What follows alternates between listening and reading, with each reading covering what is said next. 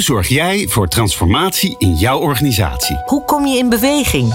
Hou je koers of stuur je bij? Duw je door of zet je een stap terug? Hoe houd je de bezieling, de energie? En wanneer is het tijd om te stoppen met veranderen? In Verandergasten vragen we het aan mensen die verandering vormgeven. Leer van hen hoe zij hebben geworsteld, hebben gefaald en hebben overwonnen. Dit is de podcast van Cede de Boer over het realiseren van transformaties. Woon je in de buurt van Amsterdam, Den Haag of Rotterdam, dan kun je met psychische problemen terecht bij de ruim 13.000 collega's van de Parnassia Groep. Met de groeiende psychische problematiek in onze samenleving, marktwerking in de zorg, een krappe arbeidsmarkt, een enorm krappe arbeidsmarkt zelfs, digitalisering en steeds veranderende regelgeving, een met recht turbulente bestuurlijke omgeving. Wat is de rol van een bestuurder in deze omgeving en hoe hou je je staande? Ik ben Glenn van den Burg en Mark Blom, lid raad van bestuur van Parnassia Groep, is mijn verandergast. Mark, bijzonder leuk dat je er bent. Misschien nog even, even het, ja, ik noem dat altijd het decor van ons gesprek helder maken. Parnassia Groep, 13.000 mensen. Ik schetste al een beetje wat ik denk wat de turbulentie is, maar zit ik dan in de juiste hoek? Ja, zeker als je uh, zeg maar het tekort aan, uh, aan, uh, aan medewerkers, collega's uh, ziet. Dat is, dat is echt een van de, onze grootste uitdagingen op dit moment. Behoud van mensen, nieuwe mensen aantrekken. We zijn een enorme opleidingsfabriek ook. Naast dat we natuurlijk ook heel veel patiënten behandelen, leiden we ook heel veel mensen op. Dus dat is ook een van onze kernactiviteiten. En daarmee hopen wij een inspirerende club te zijn waar mensen graag willen komen werken en graag ook willen blijven werken. Dat is eigenlijk dit moment ook wel, eh, midden in coronatijd, ook wel een, eh, een punt van zorg. Ja. En is het dan zo dat mensen, als ze weggaan, gaan ze dan naar iemand anders of gaan ze dan het vak uit? Nee, de over, dat, dat monitoren we. Het overgrote deel die echt bij ons weggaan, gelukkig zijn heel groot. Dus je ziet ook heel veel verkeer tussen uh, de verschillende zorgbedrijven van de groep. Uh, dat is ook goed. Dat, dat jagen we eigenlijk alleen maar toe. Want je ziet dat mensen uh, ja, elkaar inspireren. Dat er kruisbestuiving is. Dingen die je hebt geleerd op één plek. Dat je die kunt inzetten op een andere plek. Maar de mensen die echt weggaan, die gaan meestal naar een andere GGZ-instelling. Oké. Jij uh, bent lid van de Raad van Bestuur. Dat betekent dat je uh, mede verantwoordelijk bent voor, voor het geheel. Hoe herken jij nou dat er dingen anders zouden kunnen of moeten in de organisatie? Dus waar, waar, begint, nou, waar begint nou verandering voor jou in de organisatie? Um, ja, het is, het een ingewikkeld. Dat, dat, dat, omdat het op zoveel manieren kan. Om je een voorbeeld te geven. Ik, uh, uh, vorige week kreeg ik een mailtje van een, uh, van een oud-secretaresse van mij. Die was, die was geen secretaresse meer, maar die was als PB'er. Dat betekent persoonlijk begeleider. was er gaan werken op een van onze verblijfsafdelingen. Dus dat, dat is een afdeling waar mensen echt langdurig wonen eigenlijk. dat is op het terrein van onze ene, enige uh, op, op het terrein van een van de psychiatrische instellingen. Mm -hmm. En uh, die zei, kun je nou eens een keer komen kijken? Want uh, ik zit, wij zitten in een oud gebouw. En wij maken ons zorgen. En wij kunnen niet de zorg leveren die we, die we zouden willen. Nou, dat, dat is natuurlijk hartstikke leuk. Dus dan ga ik daar kijken. En dan denk ik, oh, nou, ehm, het kan hier beter. Dus dat, dat is dan heel direct, dat je gewoon iets ziet wat, wat je voorhanden komt, waarvoor, waarvan je denkt, nou, dat, dat, uh, dat moet anders. Bij maar dat vind ik een mooi voorbeeld. En, en wat doe je dan? Nou, allereerst ga ik natuurlijk naar de leidinggevende, de directie vragen, wat zijn jullie zelf een keer wezen kijken? En uh, weten jullie hiervan? En wat zijn de plannen? Nou, gelukkig waren er wel plannen, dat is meestal wel uh, bij ons. En, er is nieuwbouw gepland, maar dat duurt lang. Uh, voordat die klaar is. Dus uh, voordat die nieuwe gebouwen staan. Als die gebouwen er zullen staan, dan, dan is het inderdaad, dat hebben we de afgelopen jaren wel in de Panassia gezien. Wij zijn heel goed in nieuwbouwprojecten. En die nieuwbouwprojecten zijn echt een enorme vooruitgang. Nou, om een idee te geven, toen ik begon in de psychiatrie, maar goed, dat is inmiddels alweer lang geleden. Dat waren gewoon zalen uh, waar mensen op zaten. en de, de ruimtes waren afge schot met half hoge schotjes. En dat was dan zogenaamd handig, want dan kon je in één blik kon je, zeg maar, zo'n hele zaal bekijken. Of het wel of niet rustig was. Uh, maar privacy was natuurlijk helemaal niet. Als iemand gilde aan de ene kant, dan, uh, nou, dan kon de rest uh, niet van slapen. En nu zijn het allemaal eenpersoonskamers met eigen sanitair. En, dus dat is, dat is een enorme verbeterslag geweest. Maar deze mensen hadden dat nog niet. Dus dat is echt wachten. Dus dat, wat gaan we dan doen in de tussentijd? Dus in de tussentijd moeten we kijken, ja, kunnen we dat, zo'n gebouw nog opkalevateren, maar kunnen we met name kijken wat kunnen we doen om de, uh, om de bewoners, maar ook de, de staf die daar werkt te ondersteunen. Kunnen ze meer maar het is wel grappig, hè? Want um, door een toevallige relatie die jullie al hebben met elkaar, jullie, jullie kenden elkaar al, uh, word je gebeld, jij uh, stapt op je fiets of in je auto en je gaat daar naartoe. Denk je dan in je achterhoofd ook niet van, uh, ja, maar er is iemand anders verantwoordelijk voor. En daar zit, er zitten allemaal laagjes tussen. Dus ik moet, misschien moet ik eerst dat, dat, dat hele bouwwerk aflopen. Dat doe jij niet. Jij gaat gelijk in de actie. Nou, ik had, ik had ze wel gewaarschuwd dat ik ging kijken. Maar je hebt gelijk. Maar ik vind dat ook wel een beetje de rol van de Raad van Bestuur. Die, die moet A, toegankelijk zijn. Wij proberen ook uh, vaak op bezoek te komen. Omdat Kijk, ik kan niet veel meer doen dan wat de directie doet. We hebben over het algemeen hebben we het gewoon prima mensen daar zitten. En die zien de problemen echt wel, zijn ermee bezig. Maar uh, aandacht is zo ontzettend belangrijk. Dus het gevoel dat mensen gezien worden, dat de raad van bestuur een keer op bezoek komt en ook vindt dat het uh, erg kan, daardoor kunnen mensen ook weer door. Dat, dat is een bijzondere functie die je hebt als lid van de raad van bestuur. Om mensen het gevoel te geven dat, uh, dat ze gezien worden, dat problemen erkend worden. En niemand verwacht dat jij als een soort toverstafje daar komt. En uh, heb dat hopen ze natuurlijk ergens wel. Hè, dat er ergens nog een enorme zak geld ja. uh, verstopt ligt. Ja, en dat je daarmee mensen die kunnen ja. verbouwen. Ja, precies. Met een soort aannemersbedrijf in je achterzak ja, nou ja, maar goed, dat, dat, beseffen mensen ook wel. Maar het feit dat je kom, bent gekomen, dat doet ontzettend veel goed. En dat doe ik dan heel graag. Zeker in dat soort uh, ja, dat soort afdelingen. Waar, waar mensen het echt moeilijk hebben, waar geen glamour is, waar het uh, hard werken is, waar soms mensen ook gewoon risico lopen. Dus, um, en dat, dat vind ik een van de leuke dingen van de, van de Raad van Bestuur, uh, om dat te kunnen doen. Ja. ja. Ik denk dat het bijzonder is. Ik denk dat er zullen vast meer mensen zijn die het doen, maar ik denk dat er genoeg zeg maar vakgenoten van jou zijn die veel van dat soort dingen zien als ja, maar dat is, daar ben ik niet van. Want ik ben van de grote lijnen en niet meer van dingen op detailniveau. Uh, een, een collega die niet blij is met haar, om, met haar omgeving, dat, uh, dat is voor, voor anderen. dus die plegen een belletje naar de, naar de locatiemanager en die locatiemanager gaat dan aan, aan de slag. Maar jij, stap, jij gaat zelf. Ja. En ik denk dat, dat je terecht zegt, ja, dat die aandacht, die doet heel veel. Ja, ja. Nou, je, je moet natuurlijk uitkijken dat, dat je niet directie en zo'n zo'n afdelingshoofd um, juist uit hun kracht haalt. Dus daar, daar moet je natuurlijk wel mee uitkijken dat je niet een soort passing by doet. Maar um, ja, wij zijn een heel menselijk bedrijf. En uh, als je dat wil uitstralen, dat begint altijd bij de raad van bestuur. Als die niet, als die niet een menselijk gezicht heeft voor mensen. En dat is natuurlijk in deze coronatijd, dat, was dat echt nog wel lastig. Ja, dan, dan, dan zie je dat een bedrijf vervreemdt. Um, en dat, ja, zeker het Panassia Groep, nou goed, iedereen zegt ook, het is groot. Dat is, het is ook groot. Dus om dat op een of andere manier vorm te geven, is, is heel erg leuk, maar ook wel een uitdaging. Ja. Nou, uh, begint een verandering altijd ergens. Verandergasten.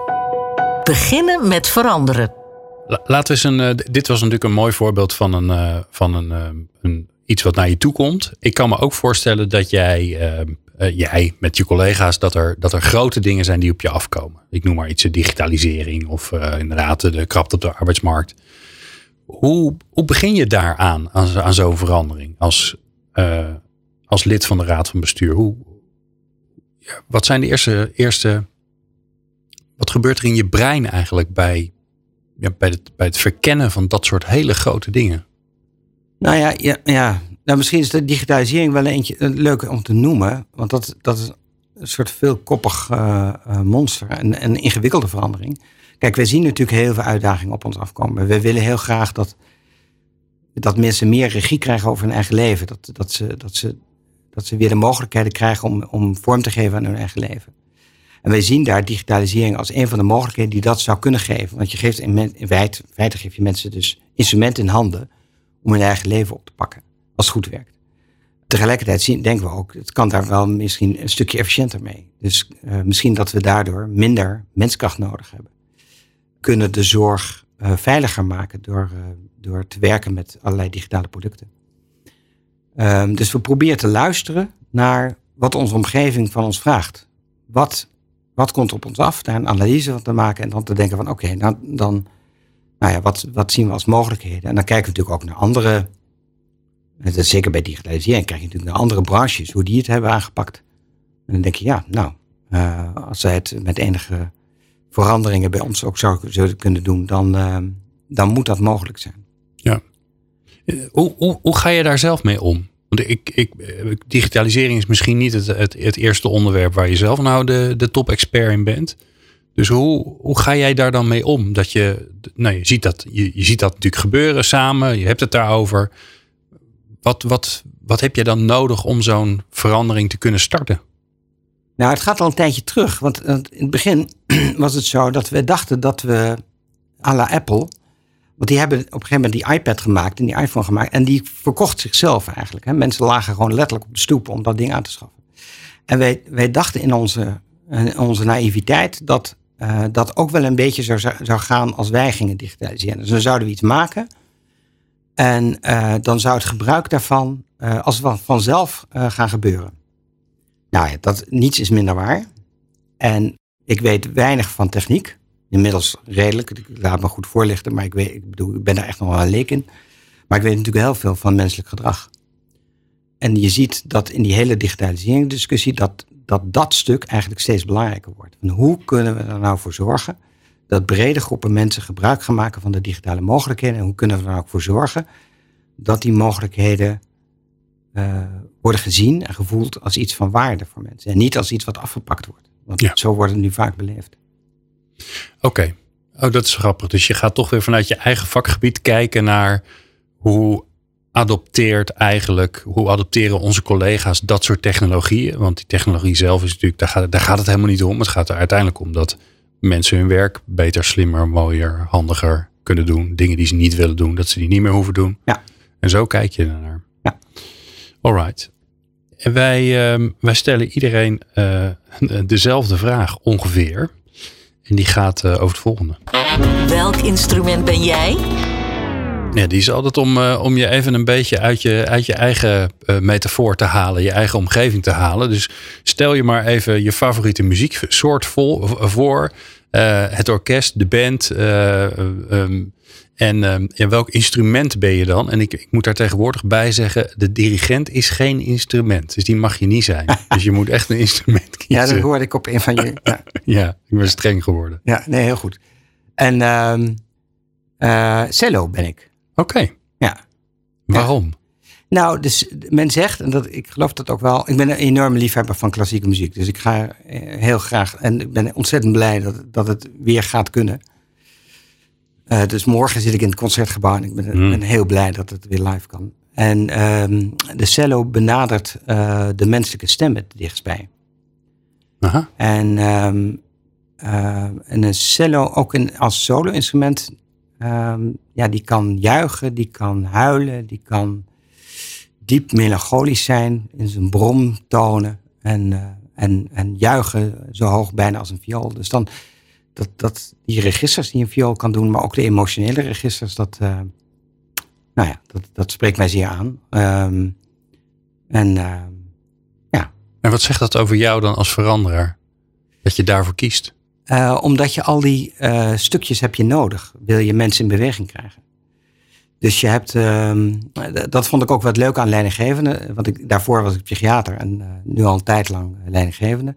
Om mensen in beweging te krijgen heb je meer dingen nodig. Ehm, en je kunt niet alleen, zeg maar, ja, als een toeter de hele tijd staan te blazen bij mensen dat ze in beweging moeten komen.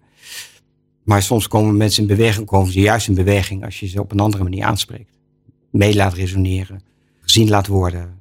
Dus dat, dat, en dat vond ik leuk van leidinggevende, is dat het, dat het heel veel kanten van mijzelf heeft aangesproken, die ik daarvoor minder nodig had als mijn werk als psychiater. Want dan, dan moet je vooral luisteren en, en, eh, en, en goed nadenken. Uh, en heel empathisch zijn. Nou, moet je, die dingen moet je ook allemaal doen als leidinggevende. Maar daarnaast moet je een paar andere dingen doen. Zoals af en toe op een, uh, op een zeepkist staan. En, uh, en, de, hm. en agressie kunnen tolereren, ook van de massa. En dat soort dingen. Dat, dat, dat, dat, heb ik, ja, dat heb ik wel heel erg uitdagend gevonden in mijn, uh, mijn nieuwe bestaan. En eigenlijk hoor ik je ook zeggen, dus als leidinggevende moet je uh, heel meertonig kunnen zijn. Moet je heel ja. veelzijdig zijn. Moet je inderdaad, uh, nou ja, alle, als je, als je zeg maar de mens als instrument ziet, alle emoties, die moet je eigenlijk kunnen beheersen. Ja, ja en dat is nogal wat. Ja, dat is ook nogal wat. Ja, het is ook geen, vind het ook geen makkelijk werk. Nee, nee, nee dat kan ik me alles bij voorstellen. Ja. ja. Wat, wat, gaat je daar natuurlijk in af? Wat, wat, wat, wat past heel erg bij je? Als we dat register zeg maar even voor ons zien. Ja, het is altijd moeilijk om te zeggen, om, om over jezelf te spreken. Omdat ik luister vaak, maar goed, ik, wat ik probeer uit te stralen is dat ik een warm iemand ben. Uh, volgens mij, en daarom is de cello, past er dan wel weer een beetje bij. En dat ik, dat ik weet waar het, waar het over gaat. Dus uh, het feit dat ik een zorgachtergrond heb, uh, zelf ook nog werk als, als psychiater, maakt aan de ene kant dat ze mij geen apenkool kunnen verkopen. Maar aan de andere kant uh, dat ik ook wel begrijp en van binnenuit begrijp waarom sommige dingen heel erg moeilijk zijn. En waar mensen tegenaan lopen. En als je daar woorden aan kan geven, dan, dan neem je mensen ook wel mee. Als je dat doet. Dus, um, uh, dus die warmte vind ik heel erg belangrijk. Dat je hart voor de zaak hebt. Dat je dat ook laat zien in, in je uitingen. Dat het, dat het uiteindelijk gaat om, om het lijden van mensen. En dat zijn grote woorden, maar het gaat hier ook om grote zaken in de psychiatrie. Ja. Dus dat je het lijden van mensen kunt zien, kunt voelen. En, en zie, met, dat mensen zien en voelen dat je daarmee begaan bent. En wil dat dat verandert. Merk je daar nou verschil in met, je, met de andere bestuurders, die daar misschien meer als bestuurder zitten, omdat ze opgeleid zijn als bestuurder, al heel lang dat hebben gedaan, niet uit het vak komen? Ja, dus uiteraard zijn er verschillen. Maar de meeste mensen die werken in de zorg, die doen dat vanuit een, vanuit een intrinsieke motivatie. En dat geldt ook voor mijn collega's, gelukkig. Dus dat, dat, dat zie ik ook. Alleen, ja, um, kijk, als, als, tussen ons drie, als, als er dan gezegd wordt, ja, maar hoe gaat het dan, Mark? Hè? Uh, en dan vertel ik over hoe, uh, uh, hoe ellendig het is als een EPD vastloopt. En je niet verder kunt. En dat EPD is een elektronisch patiëntendossier. Ja, sorry. Ja, ja, ja. Sorry voor, de, voor de niet-zorgluisteraars. Ja. ja. En, dus nee, maar dit is een heel grappig voorbeeld. En volgens mij is dit precies waar het over gaat. Want ik kan me heel goed voorstellen dat je, hoe hoger je in de organisatie zit, hoe hoger het aggregatieniveau. Dus dan gaat het over hoe vaak, nou in dit geval, hoe vaak is er nou een storing met een elektronisch patiëntendossier? En dan is dat misschien 1% of zo. En dan ja. kan ik me goed voorstellen dat je als bestuurder denkt, nou, dat vind ik best goed. Hè? Want dat is 99% gaat het ja. goed. Dat, klaar. Hè? Van tafel niet meer over hebben. En jij zegt dan, nee, want als het verkeerd gaat, dan is dit wat het betekent voor onze collega's, voor onze, onze cliënten. En ik, ik denk dat juist dat een verschil maakt in of je nou um, een over het algemeen best goed uh, lopende organisatie hebt, of dat het een echt goed lopende organisatie wordt. Ja. Want jij kan die inschatting maken. Nou ja, dat, dat hoop ik. Dat, dat je. Ehm, dat, zo zie ik op mijn rol natuurlijk ook een beetje, om daar woorden aan te geven, inderdaad. Ja, ja want vervreemding, dat treedt wel veel op, vind ik. We leven toch een hele ingewikkelde systeemwereld. Uh, zeker in de, in de GGZ met, met zijn buitengewoon ingewikkelde financiering en regelgeving, weet ik wat allemaal. Dat, dat, nou ja, dus de, voordat je het weet, hebben we ook, ben je ook een bestuur die je daaraan meedoet. Ja. ja, en praat je dus in, in, in woorden die de collega's die, die, het, die het werk doen, hè, die, die in contact staan met de cliënten, die, dat je elkaar niet meer snapt. Ja, klopt. Ja. Hoe zorg je dat je daar zelf van weg blijft? Nou, helemaal wegblijven, dat weet ik niet. Want ik moet natuurlijk ook wel met, met het systeem mensen mee kunnen praten. Um, wat ik, wat ik, ik bedoel, een van de termen die ik vaak wel heel vervelend vind, is als mensen ergens in een technische discussie over, weet ik veel wat, een wetgeving zeggen, ja, maar wat heeft de patiënt daar nou aan? Dat je denkt, ja, dat is een heel relevante vraag, maar niet voor dit, niet voor dit onderwerp. Nee. Dat is een soort dooddoener dan. En uh, dus daar moet je wel mee uitkijken. Je moet, je moet, het moet wel passend zijn. Uh, dus ik, het is niet zo dat ik nou te pas en te onpas zetten schermen over wat, mm -hmm. wat, wat, wat de patiënt er nou van voelt. Al vind ik wel dat je die achtergrond altijd moet hebben. Je moet altijd wel in je achterhoofd hebben, oké, okay, maar wat, wat doet het nou eigenlijk? En wat doet het, wat doet het voor de hulpverlener? Wat doet het in de relatie? Uh, waar zadelen we mensen mee op als we dit doen? Ja. Waar heb je zelf te groeien? Um, ja, het leuke van, dit, van mijn vak is, is dat ik. Nou, er gaat bijna geen week voorbij dat ik tegen mezelf denk. Nou, dat je dit nou weer mee mag, mag, mag maken soms. En soms ook moet maken. Ja. Uh, en uh, uh, waar ik erg in. kijk, als psychiater, als je, als je aan een gesprek gaat van een patiënt die je niet kent of nauwelijks kent. En je zegt tegen diegene: Ik heb geen idee waar dit over gaat. Dus vertel me maar eens. Ja, dan ben je al weg. Um, dus in mijn vak kun je, in, als vak als bestuurder kun je. Uh, ben, ik, ben ik beter geworden in het als het ware uit de context opmaken waar de, waar de essentie in over gaat. En waar ik echt beter in moet worden is uh, het spel tussen wat heeft de ander nodig, uh, met name in de, in de maatschappelijke verhoudingen. Wat, wat, wat hebben andere partijen nou nodig en wat, waar hebben wij, wat hebben wij nodig als GGZ om goed door te komen dat spel, dat is steeds belangrijk aan het worden. Dat is een hele leuke ontwikkeling, maar het is ook wel een ingewikkelde ontwikkeling waar bestuurders als ik ook wel mee worstelen. Want maar dat zijn eigenlijk de stakeholders om je heen en snappen hoe de belangen zitten en wie wat wil en hoe je daar dan weer een soort ja, scha schaakspel. Dat klinkt alsof het een spel is. Dat is het natuurlijk niet. Nee, maar het wordt wel. Nou ja, we, we hebben een keer een heel leuk spelletje gedaan. Waarin, uh, dat was een soort kaartspelletje. En daarna, dat speelden we met vier mensen. En daarna moesten twee mensen uit de groep. En dan kregen we twee, twee nieuwe mensen. En die twee nieuwe mensen, die hadden ook een kaartspelletje gedaan met hele andere regels. Ah. Wat wij niet wisten. En er was bijna slaande ruzie aan tafel. Want wij, wij vonden natuurlijk dat zij vals speelden. Ja, en andersom. En andersom. en, um, en zo gaat het vaak ook in het maatschappelijk verkeer. Dus je, ik, het heeft mij tijd gekost om te begrijpen bijvoorbeeld wat verzekeraars nou... Uh, waar, waar het verzekeraars om gaat, bijvoorbeeld. Ik dacht, ja, het gaat natuurlijk gewoon om goede zorg. Hè? Ik bedoel, mensen zijn bij jullie verzekerd. Ja, het moet toch gaan om uh, dat die de allerbeste krijgen? Nee, helemaal niet. Het gaat om hele andere dingen. Ja. Je kunt het wel niet mee eens zijn, maar het is wel zo. En dat geldt natuurlijk ook zo voor gemeentes. Dat geldt voor sociale diensten. Dat gaat voor de politie. Dat gaat voor huisartsen. Ze leven allemaal in hun eigen wereld. En als je die wereld niet begrijpt, dan sla je enorm de plank mis. Dan ga je heel, dat zie je dan ook, hè, dat mensen er gaan zenden. En vertellen ook hoe hun wereld in elkaar zit. Buitengewoon interessant, maar daar gaat het ander niet om. Die ander zit alleen maar daar van, luister je wel wat ik nodig heb. Dat, dat zijn dingen waar, waar ik zelf nog wel in, uh, in kan groeien. Omdat, je, omdat het ook zo ontzettend leuk is om, uh, om het te weten eigenlijk. Ja. ja, maar hoe doe je dat?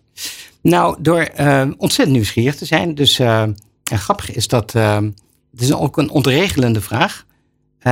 dus nadat je kennis hebt gemaakt tegen iemand te zeggen en wat heeft u nou nodig? Oh, en dan zie je dat degene denkt, ah, ah, dat heeft nog niet. En dan, dan ontstaat er een stilte en dan moet ze even over nadenken. En daarna komt er een goed antwoord. Dan heb je eigenlijk een heel leuk gesprek. En die ander verwacht niet meteen dat je daar overal antwoord op hebt. Maar je krijgt wel het gesprek over wat de ander nodig heeft. En dan de vraag over wat wij allemaal nodig hebben. Die kan dan ook een keer uh, aan bod komen. Of wat wij kunnen soms. Ja, mooi voorbeeld. Verandergasten. Doorgaan met veranderen. Nou, we zijn een beetje begonnen. Um, die beginfase is anders dan, uh, dan het doorgaan. Want uh, in het doorgaan uh, blijkt de wereld anders te zijn dan wat je bedacht, bedacht had. moet je je eigen gedachten bijstellen, je eigen vooroordelen, je eigen aannames, nou noem maar op. In die fase, waar haal jij dan je, je energie, je motivatie vandaan? Nou, je moet, je moet zorgen dat je eigen microwereld dat, dat die op orde is. Dus dat het thuisgrond uh, is uh, ontzettend belangrijk. Uh, maar da daarbinnen ook. Je moet, je moet zorgen dat. Ehm, nou, toen wij. Eh, toen, ik, toen ik toen was ik echt heel nieuw daarin, in 2010. Toen werd ik directeur van PsyQ. En wij hadden een leuk directieteam. En dat hadden we ook wel nodig, want wij moesten bezuinigen. Er moesten tientallen mensen moesten eruit, want de eigen bijdrage was, uh, was ingevoerd en de zorgvraag die stortte ineens in. Wat iets van 40% minder patiënten opeens. Uh, dus we moesten ingrijpen. De DBC uh, eh, werd ingevoerd. Het was echt een, welke, welke, welke tijd speelt dit ja, 2012, 2013 okay. een beetje die tijd. Ja. Ook een nare tijd. En ehm, ja, dan, dan, dan moet je het wel oké hebben. Dus, dus er was ook een plek waar we foute grappen konden maken en even eh, onderuit konden gaan en dan weer door. Uh, en je moet spiegelen. Dus je moet de hele tijd uh, zorgen dat je, dat je mensen om je heen hebt die kritisch tegen je zijn. Die zeggen, ja, maar klopt dat nou wel wat je Hm. zegt? En dus, Hoe organiseer je dat? ja, dat moet je inderdaad organiseren. Ja, ja je moet, dat komt niet vanzelf. De meeste mensen zijn niet helemaal niet zo happig op kritiek geven op hun Zeker leidinggevende. niet, nee, zeker niet met de baas. Zeker niet met de baas, Nee. inderdaad. En, eh, en zeker niet in tijden van crisis, want dan worden mensen ook nog wat angstiger. Dus wij hadden nou, bijvoorbeeld een hele goede bestuurssecretaris. Die, zij, zij, zij had echt nooit een blad voor de mond. Maar zij had ook de ogen en oren in de organisatie en wist ook welke mensen eh, kritisch waren. En die konden we ook opzoeken. Eh, om te kijken van wat, wat vind je daar nou van? Oké, maar die zocht jij op. Ja, die zochten we op. Dus je ging Ja. niet met je deur open wachten totdat er iemand binnen kwam lopen. Nee, want dat gebeurt dan niet. Nee, nee. Nee, maar dat, dat is toch, dat hoor je vaak mensen zeggen. Ja, de deur staat deur altijd staat open. open. Ja. Ja, ik zie die virtuele drempel, drempel die daar ligt, die ziet, die ziet niemand. Ja, maar dat heb ik als psychiater geleerd. Want je had ook psychiaters die, die zijn meestal erg druk. En dan denkt zo'n denkt zo'n verpleegkundige, denk ik, ah, ik stoor de psychiater maar even niet, want hij heeft zo druk. En je moet dus actief zorgen dat diegene naar je toe komt. Je kunt inderdaad niet mee volstaan dat, die, dat je zegt, ja, maar mijn deur staat altijd open. Je kunt altijd terecht. Want die ander heeft schroom. Eh, dus daar moet je andere dingen. Een beetje in het licht hiervan. Hè? Hoe, blijf je nou in zo'n verandering, in die, in die turbulentie van, nou in dit geval eh, die bezuinigingen. Hoe blijf je dicht bij jezelf en toch niet te ver weg van anderen? Nou, het, het, het, het nare is dat je. We, doen, we moesten natuurlijk die bezuinigingen aankondigen. En dat, dat konden we gelukkig voor een groot deel in persoon doen. Maar dan krijg je alleen maar woede eh, en, en terecht. Bedoel, mensen, ja. Er waren ook schrijnende gevallen bij. eh, eh, op een gegeven moment bleek er zelfs een echtpaar die we tegelijkertijd Hmm. vanwege de afspiegeling moesten laten gaan. Dat soort echt hele nare, hele nare dingen. Dus ehm, dan is het vooral dat je steun bij elkaar zoekt. En dan maar hoopt, want je weet het natuurlijk ook niet. Ik weet, het is natuurlijk altijd een beetje, toch een beetje vaar in de mis. Je, je, je hoopt, je hebt het doorgesproken, je hebt het met je bazen overlegd, je hebt het met, nou ja, eh, eh, in de intervisie heb je het overlegd en je denkt, nou oké, dit is dan de beste koers en God geven de, God zegende de greep hè, die we doen. En ehm, Ja, want je weet het ook niet echt. Nee, natuurlijk weet je het niet echt. Nee, terwijl je wel moet doen alsof je het echt weet. Dus je moet er wel staan. En je moet wel, eh, want, want niemand heeft iets aan de leidinggevende die zegt, ja, ik weet ook niet zo precies, maar ik denk dat het dit moet zijn. Ja, dat, dat schiet niet op. En je moet de mensen ook de gelegenheid geven om tegen jou boos te zijn. Dus je moet wel gaan staan. Want als je dat niet doet, Hm. en je zegt allemaal, ja, ik vind het ook heel naar, ja, dat, dat schiet niet op. Mensen moeten ook, je moet mensen de kans geven om er door een rouw heen te gaan, het verdriet heen te gaan. En daar hoort boosheid bij. Ja, dat moet je Helpt dan het jou dan dat jij ook psychiater bent? Dat Ja, je dus dat snapt. Want zeker als je mensen moet ontslaan, ik heb dat zelf ook wel eens gedaan of moeten doen. Ja, dat is, eh, dat is voor degene die het moet doen, is het eh, verre van een pretje. Dat is echt vervelend. Maar het is heel heftig voor degene bij wie het gebeurt. Want het is natuurlijk afwijzing tot en met. Ja, ja, ja, ja, ja. Je moet toch vooral niet zi- zielig doen dat het voor je, hè, de, de vader die zijn kind slaat en dat doet mij meer pijn dan Ja, jou. ja, ja. Ehm, eh, dat, dat is ook zo. Dus je moet het ook niet overdrijven. Maar je moet wel, ja, je moet, ja, ik bedoel, het, het helpt mij om inderdaad te weten hoe rouw werkt. En dat mensen dus boos kunnen zijn. En dat ze boos zijn op jou als functionaris, maar niet zozeer als mens. Want dat zijn toch wel verschillende Ja. dingen. Eh, Helpt het jou dan om daarmee om te gaan? Kun je dat scheiden of blijft het nog steeds gewoon nou, rot? Het blijft nog steeds rot. Ja, ja. Je kunt het wel tegen jezelf zeggen, maar je voelt het natuurlijk wel. Ja. Ja. Het is net zoals een patiënt je uitscheldt en denkt, ja, maar hij is toch hij is erg in de war. Ja, Ja, het doet ik wel ben nog steeds uitgescholden. Ja. ja, hoe bouw je nou in die, in die hectiek, eh, misschien in dit geval, want het is wel een mooi voorbeeld. Hoe bouw je reflectie in? Dat je, dat je in de hectiek van alle dag, midden in zo'n verandering, met alles wat er op je afkomt, wat anders blijkt te zijn dan je misschien dacht. Dus beslissingen die, nou, waarvan je ook maar vraagt van hoe pakken die uit. Dat je even een stapje terug kan doen. Ja, als ik aan terugdenk, weet ik niet of daar veel tijd, of dat, ik zou dat nu, denk ik, toch wat anders hebben gedaan. Dat was een tijd waar we vooral dag en nacht mee bezig waren. Wat ik niet goed heb gedaan, is toen gewoon ook een beetje voor mezelf zorgen. Dus, dus inderdaad zeggen van, oké, maar ik, ik blijf wel hard lopen en ik ga een weekend weg. En, eh, en dat je dacht, ja, kan ik niet maken, ik kan niet. eh, Hm. iedereen zit diep in de soers en dan ga ik, eh, ga ik iets leuks doen. Dat, dus, maar achteraf gezien had ik, dat, had ik dat meer moeten doen, omdat als ik eraan terugdenk, dan, dan trad er op een gegeven moment ook een soort blikvernauwing op. Op een gegeven moment dan, dan, ja, dan ben je maar bezig uh, te redderen, zeg maar. En, uh, en niet te overdenken wat je de volgende stap moet zijn. En hoe je dat op de beste manier kan doen.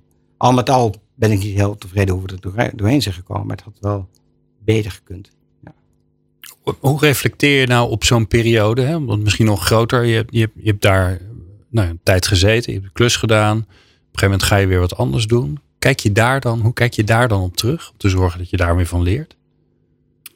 Ja, je neemt, ik neem, gelukkig zitten we nu niet in een, een periode dat we, dat we massa-ontslagen moeten doen. Maar je, wat ik heel erg heb geleerd, is dat je, ehm, en dat, dat, dat probeer ik wel te doen, dat je moet proberen om in alle uh, toestanden een, een, menselijk bedrijf te blijven. Dus laten zien, dat was in coronatijd was het ook belangrijk. Dan hielden we webinars, de afstand was natuurlijk groot. Maar dat wij lieten zien, en dat, vonden men, dat kregen we ook terug, dat mensen zeiden, jullie worstelen er ook mee. Jullie weten het ook niet zo precies. Maar we zijn heel blij dat je het, dat je het zegt. Um, dus aan die kant moet je proberen zoveel mogelijk helderheid te geven. En ook, maar ook het menselijke laten zien. Omdat mensen zich daarin kunnen spiegelen. En kunnen zien van oké, hij is dan wel de, de, de grote basis.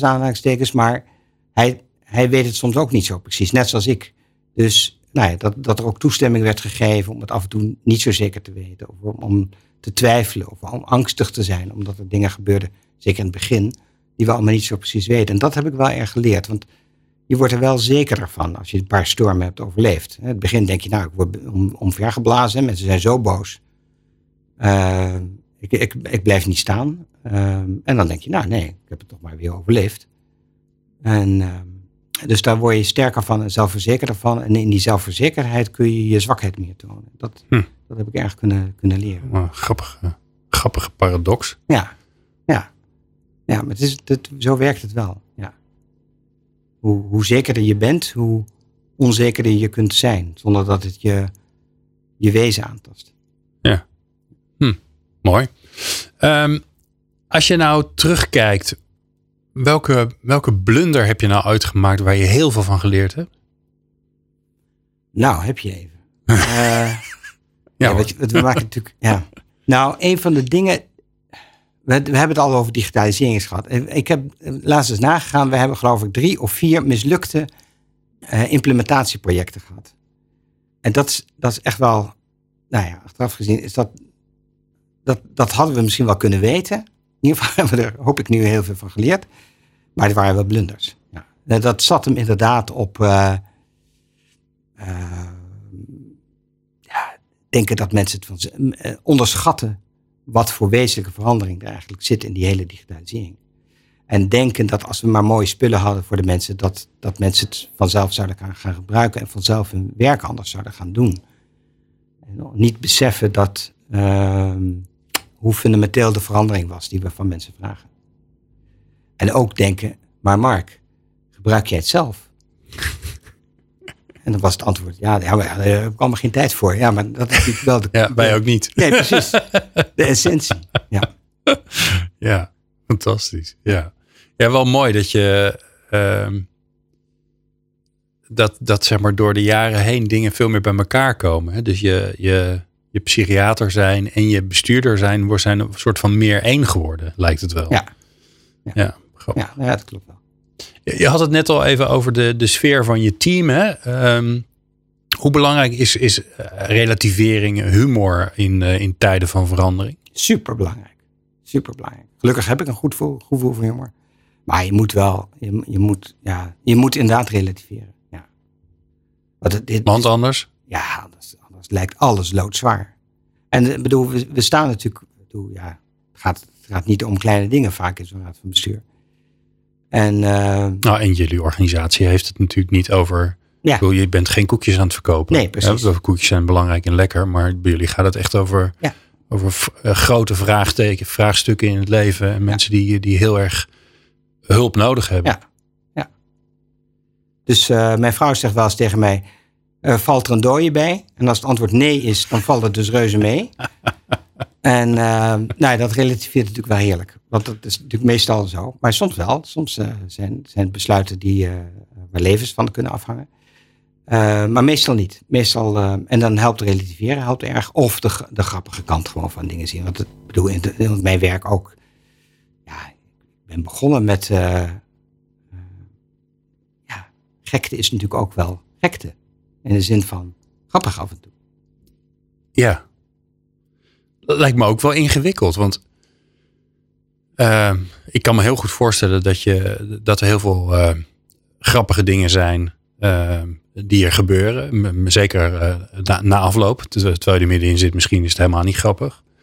Maar er, liggen, er zit natuurlijk ook allemaal hele subtiele grenzen in van ja, wanneer wordt het, uh, wordt het uitlachen, wordt het belachelijk maken en wanneer, wordt het, en wanneer blijft het ook een soort verwerking onderling van uh, goh, wat hebben we nou weer meegemaakt? Nee, ben ik helemaal met je eens. Ja, ja. Bijvoorbeeld in zo'n webinar, dat maak ik nooit een grapje. Omdat je inderdaad niet weet hoe het valt. Je kunt de ander niet zien, letterlijk.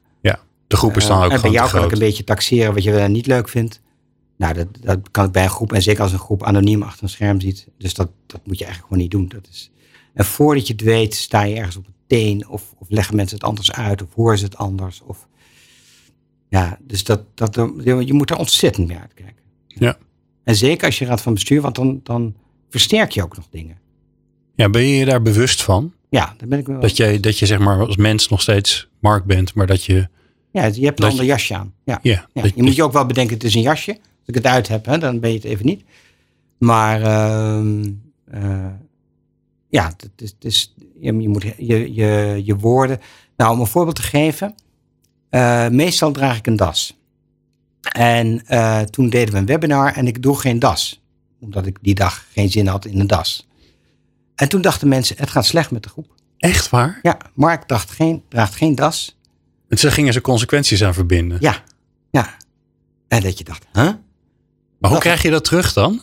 Dat, dat zeiden men. We, we houden allerlei enquêtes achteraf. Maar dit hoorde ik zo via via van iemand die dat. eh, eh, oh ja, mijn team, mijn eigen, mijn eigen teampje op de afdeling, die had het. eh, die hadden natuurlijk ook gekeken. En die, die zeiden eh, dat collega's dat zeiden. En, maar hoe gaat dat dan? Die, die denken dan, jij staat 's ochtends voor de kast. Die denkt, oh, ik heb slecht bericht. Ik doe maar geen das om, want ik had dan helemaal geen slecht kom bericht. ik. Nee, maar, dat wordt ingevuld. Ja, Toch? ja. Maar er wordt dan ingevuld, oh, als Mark, Mark geen das om heeft, dan wil die menselijker overkomen of zo. En dan is er blijk- blijkbaar slecht, slecht bericht. Ja, ja. Dus je moet heel bewust zijn. Ongelooflijk. Inderdaad, ja. ja.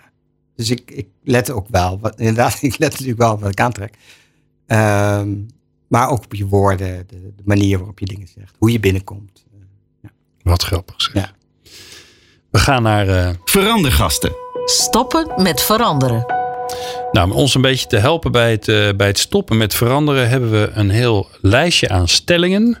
En eh, ik zal de regels nog een keertje voor je uitleggen. Instelling. Keuze uit twee antwoorden. Ja of nee. Nou, hè, dat even heel streng. Je mag dus een keuze uit twee antwoorden. Meestal ben ik van de nuance. Ja, daarom. Dus maar dat, die brengen we later aan. Ehm, ik stop pas als de bestemming bereikt is. Nee. Waarom niet? Nou, omdat ik vind dat je, dat je de, de meeste veranderingen waar wij mee maken, die wij doen, zijn complexe veranderingen.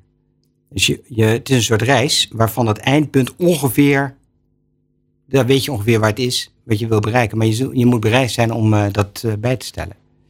Dus eh, je ziet ook mensen die gewoon koet koet een bepaald project willen afronden zonder te, goed te luisteren. Tenzij het heel simpel is. Maar de meeste dingen waar ik mee bezig ben zijn helemaal niet zo simpel. Dan gaat het eigenlijk altijd mis. Oké. dan ja, Dus onderweg pas, je- kijk je steeds van... Oké, we wilden daarheen, maar we hebben- zijn nieuwe dingen tegengekomen. Het wordt nu ongeveer daar. Ja, ja, en misschien moeten we daar helemaal niet heen. Dat zou ook nog een conclusie kunnen zijn. Want anders word je een beetje als de, de burgemeester van Maastricht, de, de fanfareleider die als enige de maand weet te houden, zeg maar. Jij loopt vooruit en iedereen is ondertussen andere dingen aan het doen. Ja. De verandering is nooit klaar. Ja. Waarom is dat zo? Nou, omdat, eh, ja, omdat op het moment dat je- bezig bent met, met een verandering, zit je eigenlijk al vooruit te denken. Zit je al, eigenlijk al te denken van, oké, als we dit nou hebben, wat wordt dan mijn volgende stap? Ehm, want de, meeste dingen zijn complexe veranderingen. Dus als je nadenkt over bijvoorbeeld de beweging die de psychiatrie maakt, veel met de maatschappij en het afbouwen van bedden. Wat wordt dan, dus dat, dat kun je als project doen. Hè, dus dat we meer dingen in de maatschappij doen, meer mensen daar laten wonen. Maar tegelijkertijd moet je nadenken over voor wie is dat dan niet geschikt? Waar, waar is de grens daaraan? Welke mensen moet je juist wel laten wonen buiten de stad, omdat de stad er niet tegen kan of omdat die mensen er niet tegen kunnen? En uh, wat hebben wij, wat zou dan de, de volgende stap kunnen zijn in het zeg maar, veel meer maatschappelijke van de, van de psychiatrie? Daar moet je altijd over nadenken. Je moet altijd nadenken over, dat is ook je taak als raad van bestuur, over en wat komt daarna dan? Hm. Want, en hoe zorg je dan, want um, ik doe even een aanname, mag jij checken, want jij hebt er echt verstand van. Volgens mij vinden collega's het juist fijn als het een beetje duidelijk is. Ja. Als, er, als het niet continu in beweging is. Hè? Dus dat je ook ervoor zorgt dat, dat er dingen afgerond zijn. Je zegt, oké, weet je, dit, dat gaat vast ooit weer eens een keer veranderen. Maar dat gaan we je niet vertellen, want daar word je onrustig van. Maar dit is het nu. Ja. Dus we gaan nu dit systeem gebruiken. We gaan doen het op deze plek met deze mensen. Uh, terwijl jij ondertussen weet, ja, nee, maar er komt allerlei andere dingen aan. Dus hoe, hoe, hoe combineer je die twee? Nou, wat je dat is ook wel waar. Er zit een enorme verandermoeheid zit in, de, in mijn organisatie, maar ik vind in de hele sector. Dat heeft ook wel te maken dat, uh, ja, dat, dat verandering in regelgeving, in, in systemen, weet ik wat allemaal, die zijn groot. Uh, je moet dus mensen behoeden, inderdaad, uh, voor al te veel veranderingen. Dus daarvoor moet het inderdaad een beetje afgebakend zijn. We gaan nu deze dingen doen en als we dat hebben bereikt, dan, dan stoppen we even en dan kijken we of, of dat voldoende zal zijn. Maar omdat je in je organisatie altijd mensen hebt die zeggen, oh ja, ja, hartstikke leuk. En dan gaan we daarna gaan we dat ook nog doen. En dan zie je de rest schrikken van, oh mijn god. En dan heb je die weerstand eigenlijk georganiseerd tegen de verandering waar je voor staat. Ik ben beter in beginnen dan stoppen. Ja. Ja, dat hebben meer, veel veranderaars. Die het leuke, nieuwe dingen spreken mij enorm aan. En uh, dingen afmaken, borgen, dat is helemaal niet sexy. Uh, maar dat, dat heb ik wel moeten leren. Ja. En hoe organiseer je dat dan? Ga je, er, ga je er zelf doorheen? Nou ja, of, ik probeer of... mezelf op, op, te, op te sturen. Uh, maar ik heb gelukkig ook wel mensen in mijn staf die, die daarvoor zorgen. Die zorgen dat het geborgd wordt, dat het vastgelegd wordt. Dat de stapjes gezet worden die we hadden afgesproken. Uh, voordat we aan iets nieuws beginnen. Dat, dat, um, nou ja, dat, je, moet, je moet zorgen, dat geldt natuurlijk van veel dingen, waar je niet goed in bent, erken dat nou en zorg ervoor dat er mensen om je heen zijn die je kunnen helpen je dat aan te vullen. In plaats van alles zelf te moeten doen. Dat hm. dacht ik in het begin altijd. Ja. Dat vind ik ook wel een grappige. Afscheid nemen van de verandering vind ik moeilijk. Ja. Ja, dat vind ik moeilijk. Ja. ja. Loslaten. Ja, we hebben bijvoorbeeld. We hebben in de jaren. In 2005 werd de PsyQ opgericht. Uh, was echt een hele vernieuwing in de zorg. Uh, we zouden echt alles anders en beter gaan doen. Met name, we zouden veel meer geprotocoleerd gaan werken. En je ziet nu dat er een soort tendens is om dat juist een beetje los te gaan laten. Om te gaan kijken naar het vakmanschap. Of om veel meer de expertise van de patiënten ook veel meer erbij te gebruiken en in te zetten. En onderdeel te laten maken van de behandeling. Veel meer dan we. Iedereen roept dat, dat deden we vroeger ook wel. Ja, dat was al zo. Maar niet in de mate waarom we dat nu willen. Dus uh, je ziet dat er een andere wind gaat waaien. En dan, dan dat is voor mij dat ik denk, oeh. Uh, toen waren we met goede bedoelingen. Uh, ja, dat zullen we een beetje moeten loslaten. Hm. Ja, of anderen moeten dat maar eens gaan doen dan. Hoe, uh, hoe, hoe, sluit je zo'n periode van verandering af voor jezelf en misschien ook wel samen met je team? Um, proberen. Uh, we hebben toen een paar keer, niet, niet naar die ontslagen, maar we hebben wel weer uh, feestjes gemaakt. Trots werken. Trots zijn. Uh, enorm vaak benoemen wat er allemaal bereikt is. Enorm vaak benoemen welke mensen allemaal hebben meegewerkt. en hun aandeel hebben gegeven. Vooral niet jezelf. Uh, dat soort dingen. Dus uh, vieren, vieren, vieren. Van, uh, en benoemen van dingen. En herhalen dat je dingen hebt behaald. Dat helpt ook bij het borgen daarvan. Dus je dus een punt zetten in de, in de tijd. en zeggen van nou, nu, het is klaar. Dus, het is af. Ja. Bereikt. Een product wat we hebben. Um, en... Um, Lukt je dat ook een beetje? Omdat je, je vertelde net, hè, in, in je hoofd ben je eigenlijk alweer met, met de volgende iteratie of het volgende onderwerp bezig. En dan ja, dan moet je ook even stilstaan. Moet je ook even inderdaad vieren. Niet automatisch. Nee. nee. Zit niet in de aard. Nee, ik ben meer iemand die meteen gaat nadenken. Oh ja, en, en toen. Ja. Ja. Ja. Je viert liever een feestje als je aan het begin, als je weer iets nieuws gaat doen, dan ja, aan het eind. Ja, denk ik dan. Ja. Ja, leuk. Ja, leuk. Nieuw team bij elkaar. We gaan een team beelden. ja. Alright. Eh, ik heb nog een laatste vraag aan je, Mark. Eh, en die vragen we ook aan iedereen overigens. Wat zou je onze luisteraars, die andere veranderaars die luisteren naar eh verandergasten, wat zou je ze mee willen geven? Zonder in een cliché te vallen. Oh ja, Eh, clichés zijn misschien niet voor niks clichés. Nee, ehm, wat, wat ik ook bij veranderingen die ik niet zo goed plan vond, heb ik geprobeerd om het eigen te maken. Dus eh, te zorgen dat het, dat het mijn verandering was. En ook zelf, zelf probeer na te gaan wat het proces was wat ik eh, eh, moest doormaken om die verandering. Want als je dat goed kan, dan begrijp je ook waar de ander doorheen moet. En kun je de ander ook helpen om die, om die verandering ook. Geef eens een voorbeeld om, om het concreter te maken. Ehm, toen, we, toen we inzetten bijvoorbeeld om heel geprotocoliseerd te behandelen. Toen, ehm, ik ben iemand die, ehm, eh, net zoals de meeste medisch-specialisten, eh, vergeet dat er richtlijnen zijn. En toen heb ik mezelf echt moeten dwingen. Nee, als je wil dat andere mensen het doen, dan moet jij zorgen dat je niet alleen de richtlijnen toepast, maar ook laat zien dat je dat doet. Dus in elke teamvergadering ook de vraag gaat stellen. Wat zegt de richtlijn? Wat zouden we nu moeten doen? Waarom doen we die stap dan niet? En laten we hem dus dan wel maar wel doen. En dat heeft ge- eh, geleid tot een merkelijk betere behandeling overigens. Hm. Ehm, Terwijl ik kan me voor kan stellen, voor- jou en je eigen werk, het is ook irritant. ja, dat is ook irritant. Toch? Want je, mijn je, eerste- je bent al jarenlang gewend. Die richtlijnen die zitten gewoon in je zijn. Je hoeft er niet meer over na te Ja. denken. En dan moet je er juist weer bewust over van worden. Ja, precies. Ja, ja. dus ehm, Maar jij zegt dus, daar moet je zelf doorheen. Want dan snap je tenminste wat je aan anderen vraagt. ja. En het is niet alleen dat je moet laten, hey, walk the talk. Dat, dat is waar. Hè? Dat je moet in je gedrag laten zien dat jij de verandering bent. Maar je moet ook weten wat er voor nodig is om die verandering te bereiken. Ja. Wat is de opoffering die je vraagt eigenlijk? Ja, want dan kun je de, want het gaat altijd ook met verlies gepaard. Mooi. Nou, vond ik verre van een cliché. Oh. Dankjewel, Mark Blom, lid van de Raad van Bestuur van Parnassia Groep, eh, voor het mooie gesprek. Dank voor het luisteren naar Verandergasten. De podcast van Cede de Boer over het realiseren van transformaties. Je helpt ons enorm met 5 sterren, een like, follow of duimpje. Meer afleveringen vind je in jouw favoriete podcast app. Vergeet je niet te abonneren als je niks wilt missen.